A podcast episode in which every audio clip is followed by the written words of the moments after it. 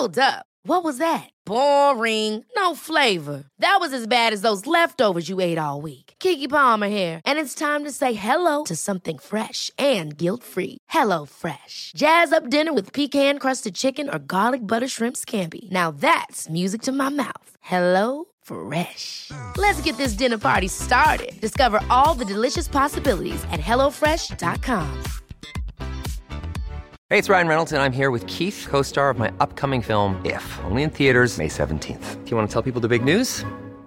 All right, I'll do. Sign up now and you'll get unlimited for $15 a month in six months of Paramount Plus Essential Plan on us. Mintmobile.com slash switch. Upfront payment of $45 equivalent to $15 per month. Unlimited over 40 gigabytes per month. Face lower speeds. Videos at 480p. Active Mint customers by 531.24 get six months of Paramount Plus Essential Plan. Auto renews after six months. Offer ends May 31st, 2024. Separate Paramount Plus registration required. Terms and conditions apply if rated PG.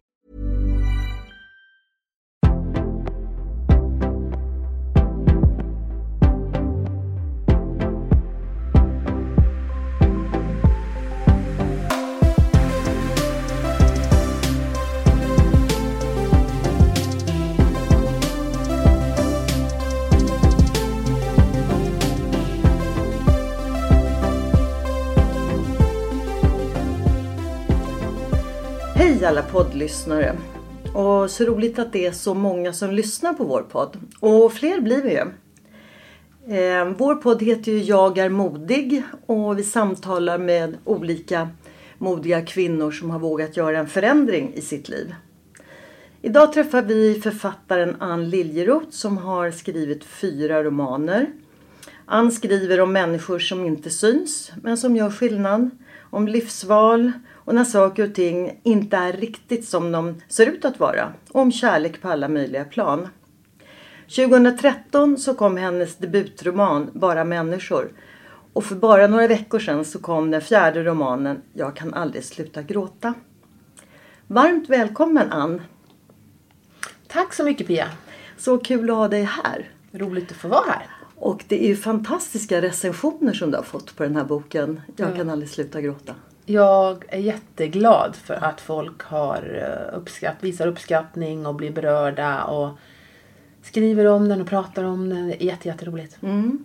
Och vi ska ju prata om den här lite längre fram i vårt samtal. Eh, för att du kallar ju dina historier för berättelser som skaver och berör. Kan du utveckla det lite grann? Jag, ja, jag tror att vi vill bli berörda. Jag tror att vi utvecklas av att få komma åt och känna lite grann när vi ger oss in i en fiktiv historia. Eh, som mina berättelser är. Jag tror att det, vi mår bra av det. Sen, eh, gråta lite och komma åt vårt inre lite. Mm. Mm, för du säger ju också att du vill ha underhållande historier men som bjuder också till eftertanke och lite reflektion. Mm. Förhoppningen är att man kanske ska lära sig någonting av mina berättelser. Att man får någonting att prata med andra om. Att det finns lite diskussionsmaterial i dem. Ehm, så att, eh, ja, jag hoppas att de fungerar som lite pinnar på brasan i vissa fall. Så. Mm. Ja, det kan jag säga att din senaste bok gör. Men eh, det kommer vi prata om sen. Eh, först vill jag fråga dig, vad är mod för dig? Ja, du förberedde mig på den frågan och jag har faktiskt funderat ganska mycket på det. Mod förändras ju över tid och med ens ålder på något sätt. Ehm, jag är inte en speciellt modig människa. Jag är inte speciellt äventyrlig eller så. Ehm, så mod för mig är att våga doppa tån i kallt vatten. Ehm, men också våga stanna där. För jag tror att saker och ting tar lite tid och då måste man våga ha uthållighet när man vill prova på någonting nytt. Så att det där med att stå i det där kalla vattnet en stund, det, det är mod för mig. Och man kan ju aldrig jämföra sig med någon annan heller. Nej, och det var det jag kände när jag läste frågan och du skickade mm. med. Att, nej, jag är inte en speciellt modig människa. Men när jag väl har, vill prova någonting, då stoppar jag tån och så stannar jag kvar där ett tag. Eh, för att se, är det här verkligen för, någonting för mig? Är det någonting som jag kan tänka sig vilja göra eller prova? Mm. Men vad har du för rädslor då? De har också förändrats över tid, måste jag säga. Jag kanske inte är så jätterädd idag. Såna saker som att det ska hända mig eller min familj någonting, naturligtvis. Ehm, eh, eller för att människor inte ska uppskattar vad jag gör, när jag ändå försöker lägga manken till och, och, och göra någonting så vill man ju gärna få lite uppmärksamhet eller få lite cred för det på något sätt. Jag lite rädd för så. Eh, men annars har jag inga större rädslor. Så. Ormar, ja. Ja. men jag tänker det som du sa, det här man vill få cred. Det vill väl alla ha. Men jag tänker att det kanske har minskat lite idag än vad det var eh, i början på 2000-talet. Ja, ja, oh ja. Och, och dessutom så brukar jag alltid klappa mig själv på axeln och säga Ja. nej, nej, nej, men du är för gammal för det nu. Så det är lite skönt att ha liksom, några år på nacken för då kan man känna att nej, det betyder inte så mycket. Så att nej, jag är inte jätterädd för Nej. det. Samtidigt så vill man naturligtvis ha lite cred. Ja. Men du, vad är framgång då? Ehm, framgång för mig är när det känns gott inuti. När jag känner att wow, jag har gjort någonting bra. Eller jag har gjort nytta. Eller jag har varit till hjälp. Eller vad häftigt att jag kunde följa min inre kompass. Och det lyckades. Det är framgång för mig. Mm, det var framgångsrik för dig. Ja. Ja. Och jag kan tänka mig att det svaret hade jag inte fått om vi hade mötts 1995 eller 97. Sannolikt inte.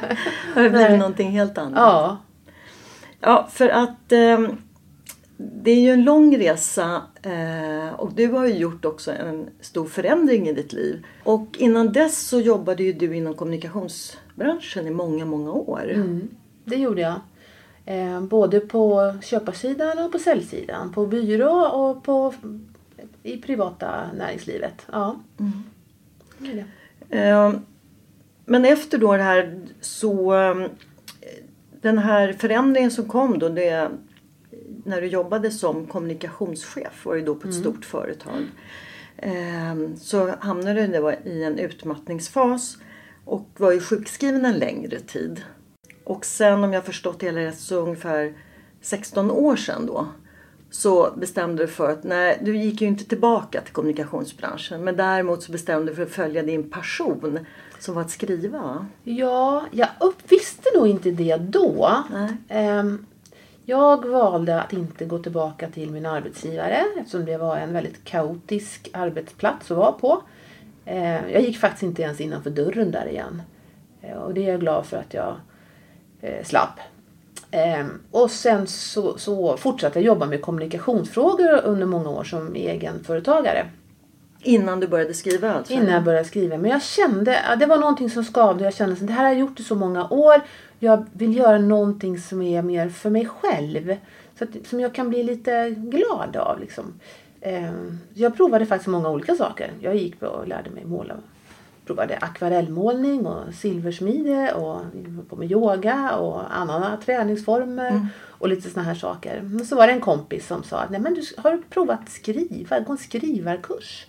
Eh, och så hoppade jag på det och gick ju en kväll varannan vecka så det var inte många timmar jag la på det där. Men jag, det var någonting som attraherade mig och så blev jag nyfiken och det blev lite mer, jag gick lite oftare. Sen började jag läsa litteraturvetenskap på universitetet för jag kände att jag vill, jag vill gräva ner mig i det här. det här. Jag hade hittat någonting som jag tyckte var intressant. Och någonstans där föddes idén till min första roman. Som eh, sen blev min debut 2013 då. Jag tänker um, hur... Det, måste, det är alltså det här med att komma in i en utmattningsfas eller eh, få en utmattningssyndrom. Det, det tar ju oftast tid innan man väl... Ja, kanske omgivningen som påtalar innan man själv inser att man är där. Ehm, hur lång tid tog det för dig innan du... Eller det kanske är svårt att säga. Det är är jättesvårt period. att säga. Mm. Jag, jag bytte dessutom jobb eh, flera gånger inom väldigt kort tid där. Eh, innan jag blev sjukskriven. Så att jag tror att det påverkade mig också. Att det var väldigt... Jag hann aldrig komma in i någonting förrän det nytt kom. Och så var det nya krav och nya förutsättningar. Eh, och stressigt och så. Så jag vet inte hur lång tid jag hade hållit på och varit jättestressad. Eh, Men sen var jag sjukskriven i tio månader innan jag kände att jag orkade börja göra någonting igen. Så att säga. Så att det- det tar tid. Det tar jättelång tid. Och det påverkar ju också många, inte bara en själv utan familjen och nära och anhöriga och även vänner. Mm. Ja, det här är ju en sjukdom som inte syns på utsidan. Precis som jag försöker beskriva i, i boken också. Um, så att det är klart att det, utan bandage och gips och sånt så vet ju inte de anhöriga eller nära vänner, kollegor egentligen hur det står till. Och det går ju inte att förklara när man är sjuk. Du, man kan inte sätta ord på det. För det är, ett sån, det är en sån röra där inne i huvudet. Mm. Det, det är o, helt omöjligt att förklara. Jag hade inte klarat det. Det tog mig 16 år att försöka formulera vad det var Mm. som egentligen hände där på insidan av mig. Så jag har ju använt mycket av mig själv naturligtvis. Mm, för det ska vi ju säga att det här boken är ju inte en självbiografi utan Nej. det är en roman. Är det, va? Det är en roman i allra högsta grad. Så den är fiktiv. Men det är klart, jag hade aldrig kunnat skriva den om jag inte hade lånat mitt inre känsloliv. Hur det kändes. Mm. Så det har jag lånat ut till huvudpersonen som jag kallar för Josefin. Då.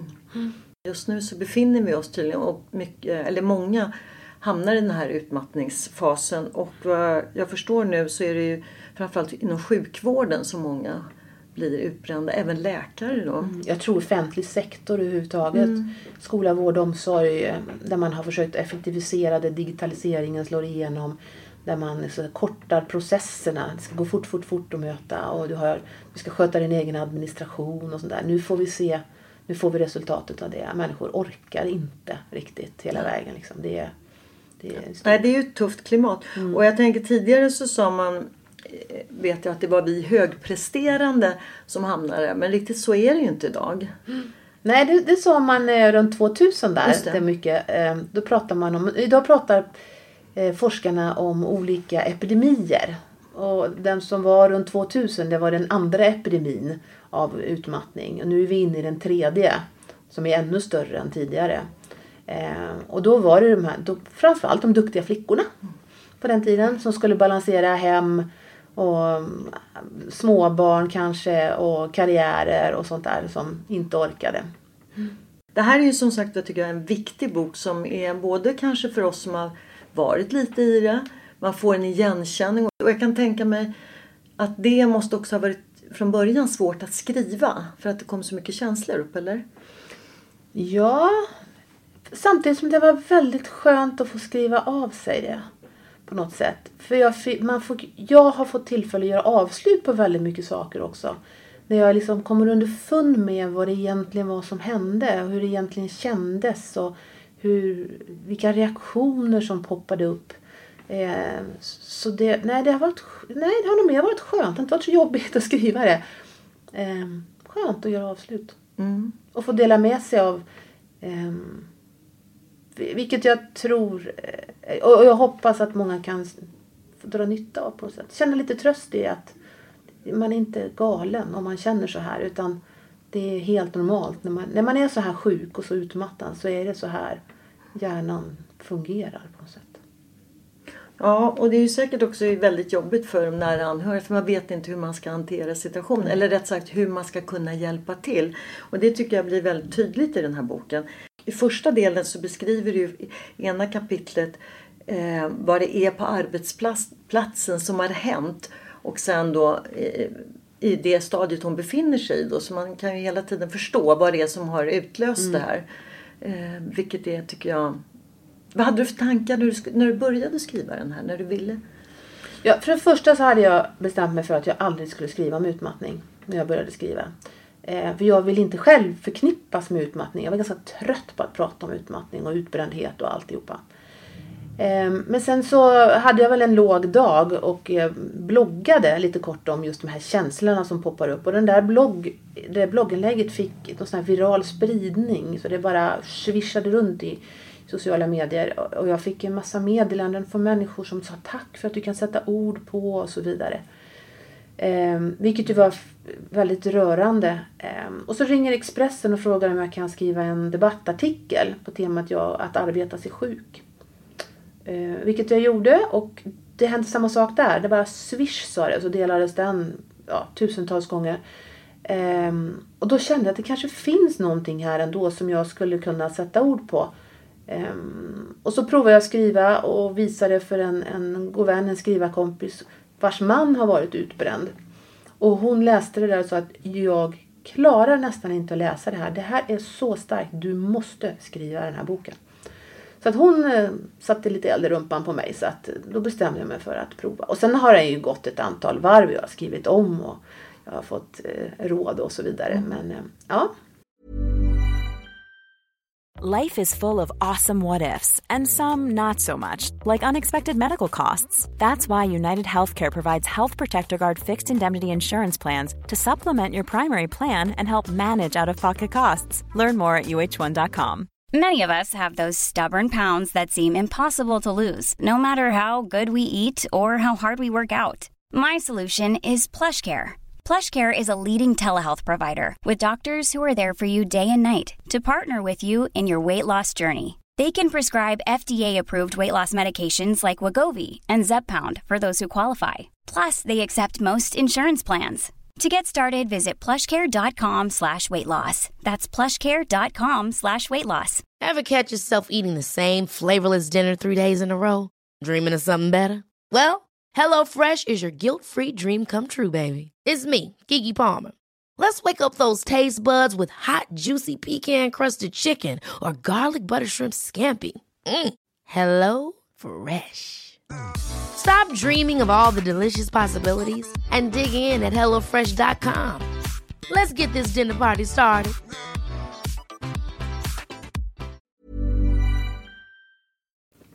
För att andra delen sen i boken då, då är det ju nutid när hon befinner sig i det här och, och vad som händer då också. Dels mellan henne och hennes man och kontakten med Muminläkaren och Ja, psykologen och alltihopa. Ja. Ja, det är det här med relationer runt omkring. Jag har försökt att skildra em, hur svårt det är och för människor runt omkring Josefin att bemöta henne också. För de vet ju verkligen inte vad som pågår inom Josefin. Och hon kan inte sätta ord på det. Ehm, Nej för hon är ju bara ledsen och gråter. Ja. Så att även om de frågar och vill veta så hon kan inte svara. Hon kan inte hjälpa dem heller att hjälpa henne. Så det blir någon slags momentum där på något sätt. Och sen försöker hon ju ändå vara en bra mamma för hon har ju två mindre killar. Och jag tycker det finns en så otroligt fin, är det några rad? Det finns många fina delar men en här när hon är med en av sönerna som ska spela hockey. Eh, och hon försöker ju ställa upp och gå och handla de här tröjorna men det, allting är ju väldigt jobbigt och de ser ju att hon gråter väldigt mycket. Och eh, så säger hennes lilla son, jag vet inte riktigt hur gammal han är, 9-10 år Ja, han kanske. eller 9-10 någonting år, sånt ja. va? ja, men sen så här, om jag är rädd för något då blir jag ledsen och gråter. Som när jag började spela hockey, kommer du ihåg? Då höll jag mig i sargen hela tiden. Men när jag släppte, då var det inte så farligt. Och nu tycker jag det är så kul. När han bara släpper sargen så grejar han ju faktiskt det här, Och den här glädjen då att våga. Och jag tror också att det, det här är också vad jag försökt gestalta. Att även hennes barn, de ser ju att hon är väldigt ledsen. Och de försöker trösta på olika sätt. De har ju sina sätt att försöka hjälpa sin mamma. Precis som hennes man har sitt sätt. Och, och, och hennes vänner har sitt. Och kollegorna har sitt sätt. Doktorn har sitt sätt. Och terapeuten har sitt sätt. Så att det, alla försöker på olika sätt. Ehm, och de kan inte fråga. För de får inget svar. De, hon vet ju inte själv. Nej, och det är väl det tror jag som man kan uppleva som, som närstående. Att eh, den här maktlösheten, att man vill så gärna hjälpa men man förstår inte hur man ska kunna hjälpa. Och den som befinner sig i den här sjukdomen blir ju också väldigt frustrerad för man kan inte sätta ord på vad det egentligen är. Utan de här, den här ledsamheten bara kommer över, ja liksom Och jag tror att. Josefine tänker ofta det att hon, hon både vill ha hjälp och inte vill ha hjälp. Hon vill ha människor runt omkring sig. Hon vill inte ha människor runt omkring Hon vet inte. Det är det som är... Hjärncellerna är ju totalt ur balans. Mm. Hon, hon vet inte. Så att eh, det är jättesvårt det där. Och det var någon episod när hon i, i början när det är en av hennes väninnor som eller om det är en kollega som hon springer på på stan och så säger han, men vi kan väl ta en kaffe? Och så tar de det, "Nej, jag egentligen skulle jag göra någonting annat men jag tar mig tid. i det där fallet trycks in i en situation som hon måste hantera här plötsligt som hon inte har tänkt sig. Hon har inte planerat för att ta en fika. Man, det kan tyckas att det är väl en liten skitsak att gå och ta en kaffe med någon. Men i hennes värld så är inte det en skitsak. Nej. För hon har inte planerat för det. Så att hon har inte haft den här ställtiden. Så helt plötsligt så befinner hon sig i en situation som inte hennes hjärna riktigt har tänkt sig. Och då får hon panikångest helt enkelt. Mm. Jag tänker, du har ju nu haft kontakt med flera som har haft eller kanske befinner sig fortfarande i den här sjukdomen. Känner du att det fortfarande är lite skuldbelagt att man inte helst vill tala om det och att det känns väldigt skönt när någon annan gör det så kan man identifiera sig men att man har själv svårt att berätta om det för att det känns lite som ett nederlag i alla fall att inte orka. Eller Ja, ja, tyvärr så är det så. Det är fortfarande så att det är den som drabbas av det som egentligen får ta hela, hela lasset. Alltså om det är arbetsrelaterat, vilket det oftast är, så är det ju så att det inte är arbetsgivaren som förändrar någonting eller gör speciellt mycket. Utan det är ju den här stackars människan som drabbas av utmattningen som får gå hem, som, som blir sjukskriven och som får ta hand om alla kontakter med Försäkringskassan och läkare. Alltså det är ju inte du, du, du, blir försatt i en situation som du egentligen inte är förtjänt av. Utan du har ju bara, du har ju bara försökt göra ditt bästa. Och därför är det så väldigt skamfullt. För du har ju misslyckats med att göra ditt bästa. Så det är någon slags, ja det är väldigt upple- upplever jag fortfarande. Väldigt mycket så. Och sen är det väl att man själv så gärna vill. Det känns ju skönt då när någon annan gör det för då kan man i alla fall känna ja men så där har jag också gjort det men man behöver inte riktigt verbalisera det själv så Ja. tydligt. Nej, och så bara få den här igenkänningen som gör att jag, jag är inte ensam. Det, det är så här det är. Och jag, för man känner sig väldigt, väldigt ensam när man drabbas av det. Vet du hur många män det är ungefär? För det är väl färre, det kanske är fler men det är ju färre som det är uttalat eller som Nej, det är, till. det är en dominant eh, kvinno eh, problematik, absolut. Det är ju män naturligtvis också som drabbas. Jag kommer inte ihåg siffrorna just nu. Men eh, 80-20 kanske, något sånt där. Men det är betydligt fler kvinnor än män. Jag hörde ju då på din eh, bokrelease så hade ju du en överläkare, en psykiatriker Mm, var- psykiatrisk överläkare. Var överläkare på Ersta psykiatriska klinik Just det. tidigare. Mm. Eh, Och han sa ju att eh, en del, han har ju hållit på med det här i hjälp patienter i många, många år. Mm. Och han sa ju att eh, eh, en del patienter som drabbades av det här för 20 år sedan har fortfarande svårt att vistas i miljöer där det är ja, höga ljud och så vidare. Man blir Mm. påverkad, man får ett stresspåslag. Och det är ju för att man, man kan ju konstatera idag att det finns ganska stor risk för hjärnskador helt enkelt. Och, och de här hjärnskadorna gör ju... Det är två saker som händer i hjärnan har jag lärt mig av, av Alexander Wilczek som han heter och den här psykiatrikern. Eh, det ena är att hjärnbalken blir tunnare. Vilket gör att korttidsminnet eh, blir sämre. Och det andra är att amygdalan växer, eller blir lite större. Och i amygdalan sitter vårt känslocenter. Och vi blir helt enkelt känsligare för saker och ting. Ehm, vilket- Och det är det som gör då också att det är lätt att bara gråta mycket då. Så Ja, man, ja. att Man, ja. Så att man, man har lättare till sitt känsloregister och ja, då, då blir vissa saker jobbigare helt enkelt. Ja. Och jag tänker just att för man, jag menar, har man haft det i så pass många år, om vi säger 15-20 år, när man, alltså man verkligen känner av det, har svårt att komma vidare. Så klart det måste ju också vara ett, en stress att man, att man inte riktigt kommer ur det helt. Och jag tror att det, alltså, eftersom man nu konstaterar att det är, det är risk för hjärnskador så, så har man, får man börja leva på ett annat sätt. Man får nog acceptera och hitta andra former för hur man fungerar och lever. I- Istället för att försöka komma tillbaka till det som var innan. Det kanske inte är det som är det optimala. Nej, och det är väl det som också är ett mod, att våga bryta. Där tänker jag, som du då bestämde dig för att göra någonting annat och, och testa dig fram med ja, silversmid och måla. Och, och samtidigt så är det i yoga, samtidigt så är det ju någonting som där man inte har den här stressen utan där man försöker mer hitta sitt inre och ett lugn. Och lägger du där också till då att det är så otroligt många människor som faktiskt inte är engagerade i sina jobb idag. Jag hörde någon siffra att det man hade gjort en undersökning att det är bara 15 procent av människor idag som är, kan med tydlighet säga att man är engagerad i sitt jobb. Och så är det de som är kanske mer eller mindre likgiltiga och så finns det en stor andel som inte trivs på jobbet helt enkelt. Det är klart att då gör man inget bra jobb. Nej. Då måste ju resultaten bli därefter också. Så att, och stress är naturligtvis en jättestor anledning till att många känner så här. Den här boken tycker jag är ju som sagt var en angelägen bok för alla och framförallt också kanske chefer. Som kanske kan få en insikt i hur det kan vara och hur de kanske kan bidra till att det inte blir så illa. Vad säger du? Ja, absolut. Ja, det, när min förläggare läste det här manuset första gången så hörde hon av sig till mig och sa att du, jag har inte varit utbränd och jag kanske inte känner jättemånga. Men jag måste säga, jag har aldrig riktigt förstått vad det innebär. Men nu fattar jag, sa hon. Och då kände jag bara yes, då har jag lyckats med någonting. För det tror jag är jätte, jätteviktigt att kunna för, förmedla. Jag vill förmedla det till alla. Så att man får en större förståelse för vad det innebär. Och förhoppningsvis också att fler kan börja jobba på förändring. Så att vi slipper, att människor slipper utsättas för det här.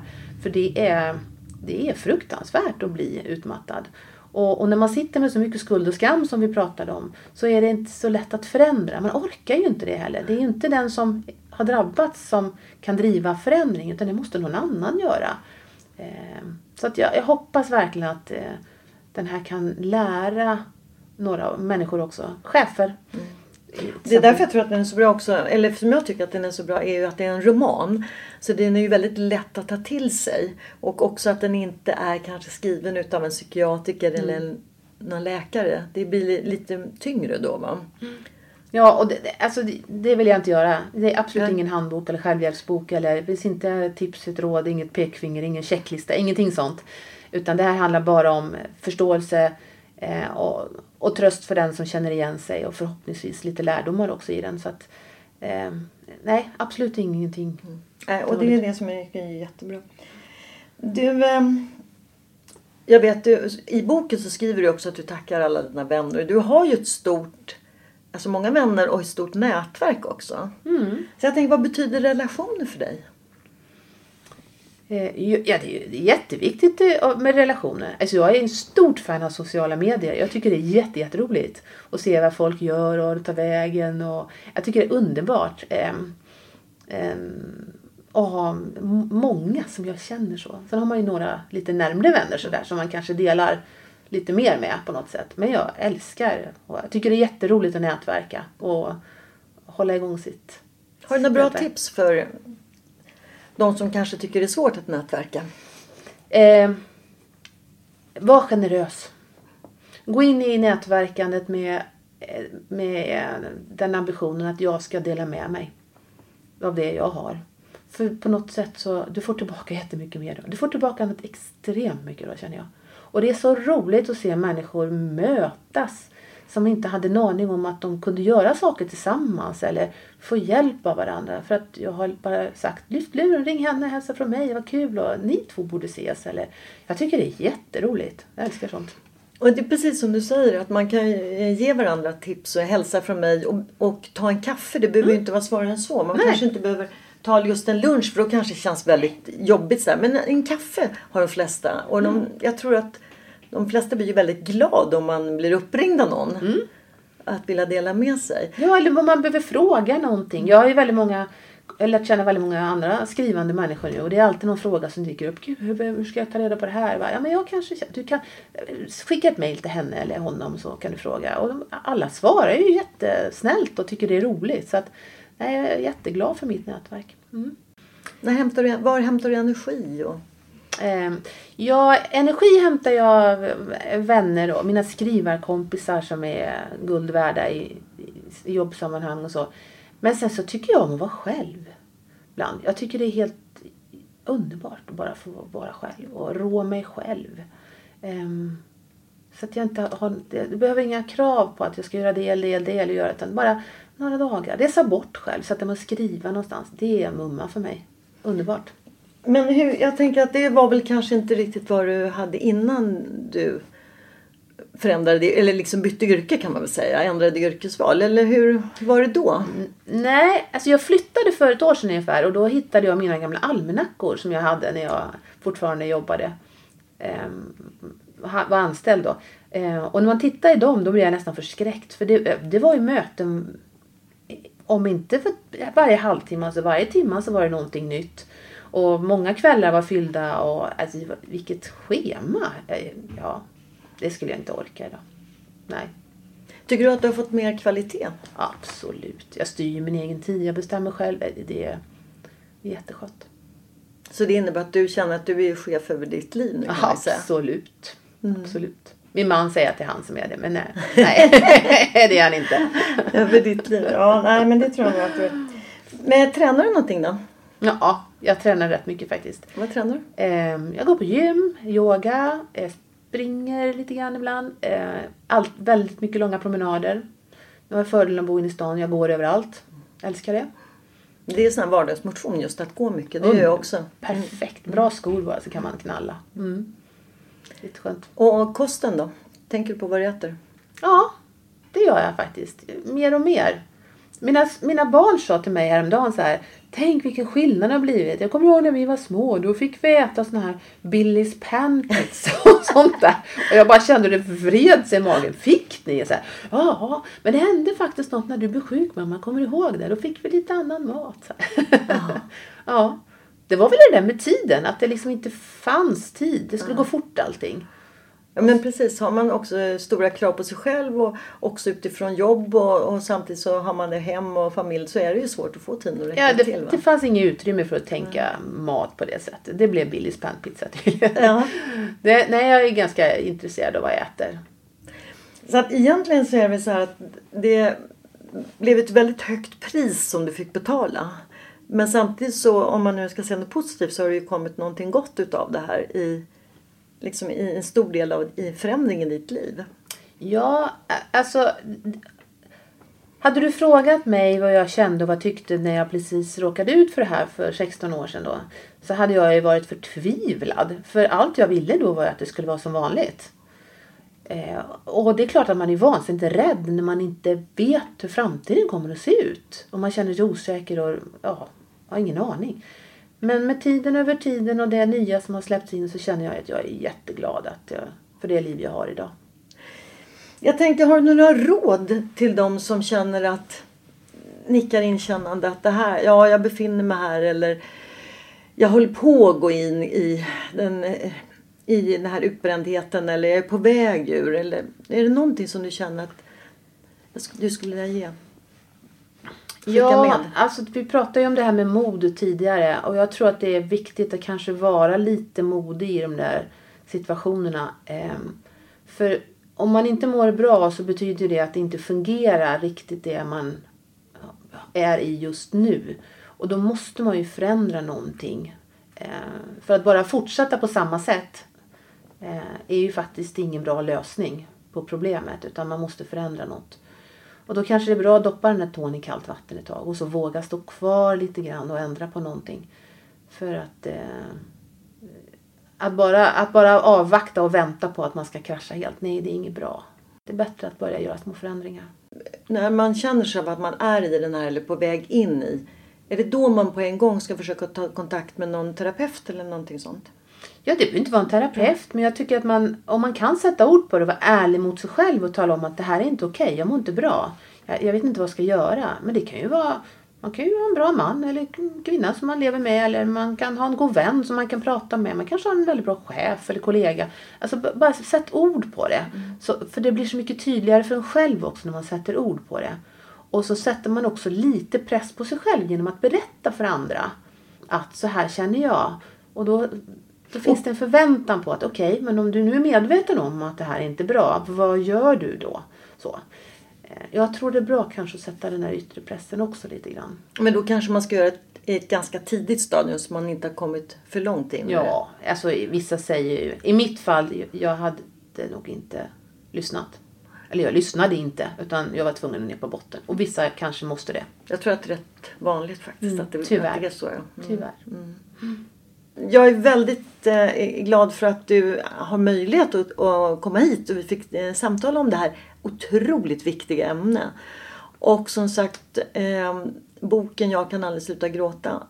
Den är ju, rekommenderar jag varmt till alla, gör jag. Och om man vill nå dig på sociala medier, var Mm. finns du då?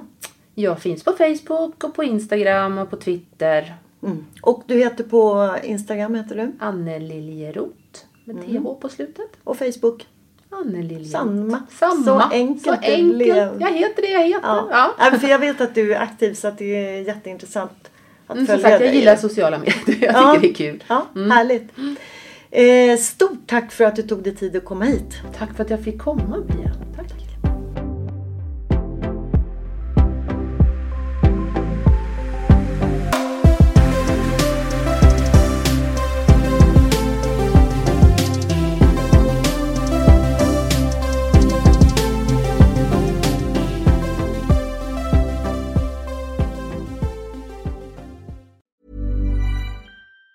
Even on a budget, quality is non-negotiable. That's why Quince is the place to score high-end essentials at 50 to 80% less than similar brands. Get your hands on buttery soft cashmere sweaters from just 60 bucks, Italian leather jackets, and so much more. And the best part about Quince, they exclusively partner with factories committed to safe, ethical, and responsible manufacturing. Elevate your style without the elevated price tag with Quince. Go to quince.com slash upgrade for free shipping and 365-day returns.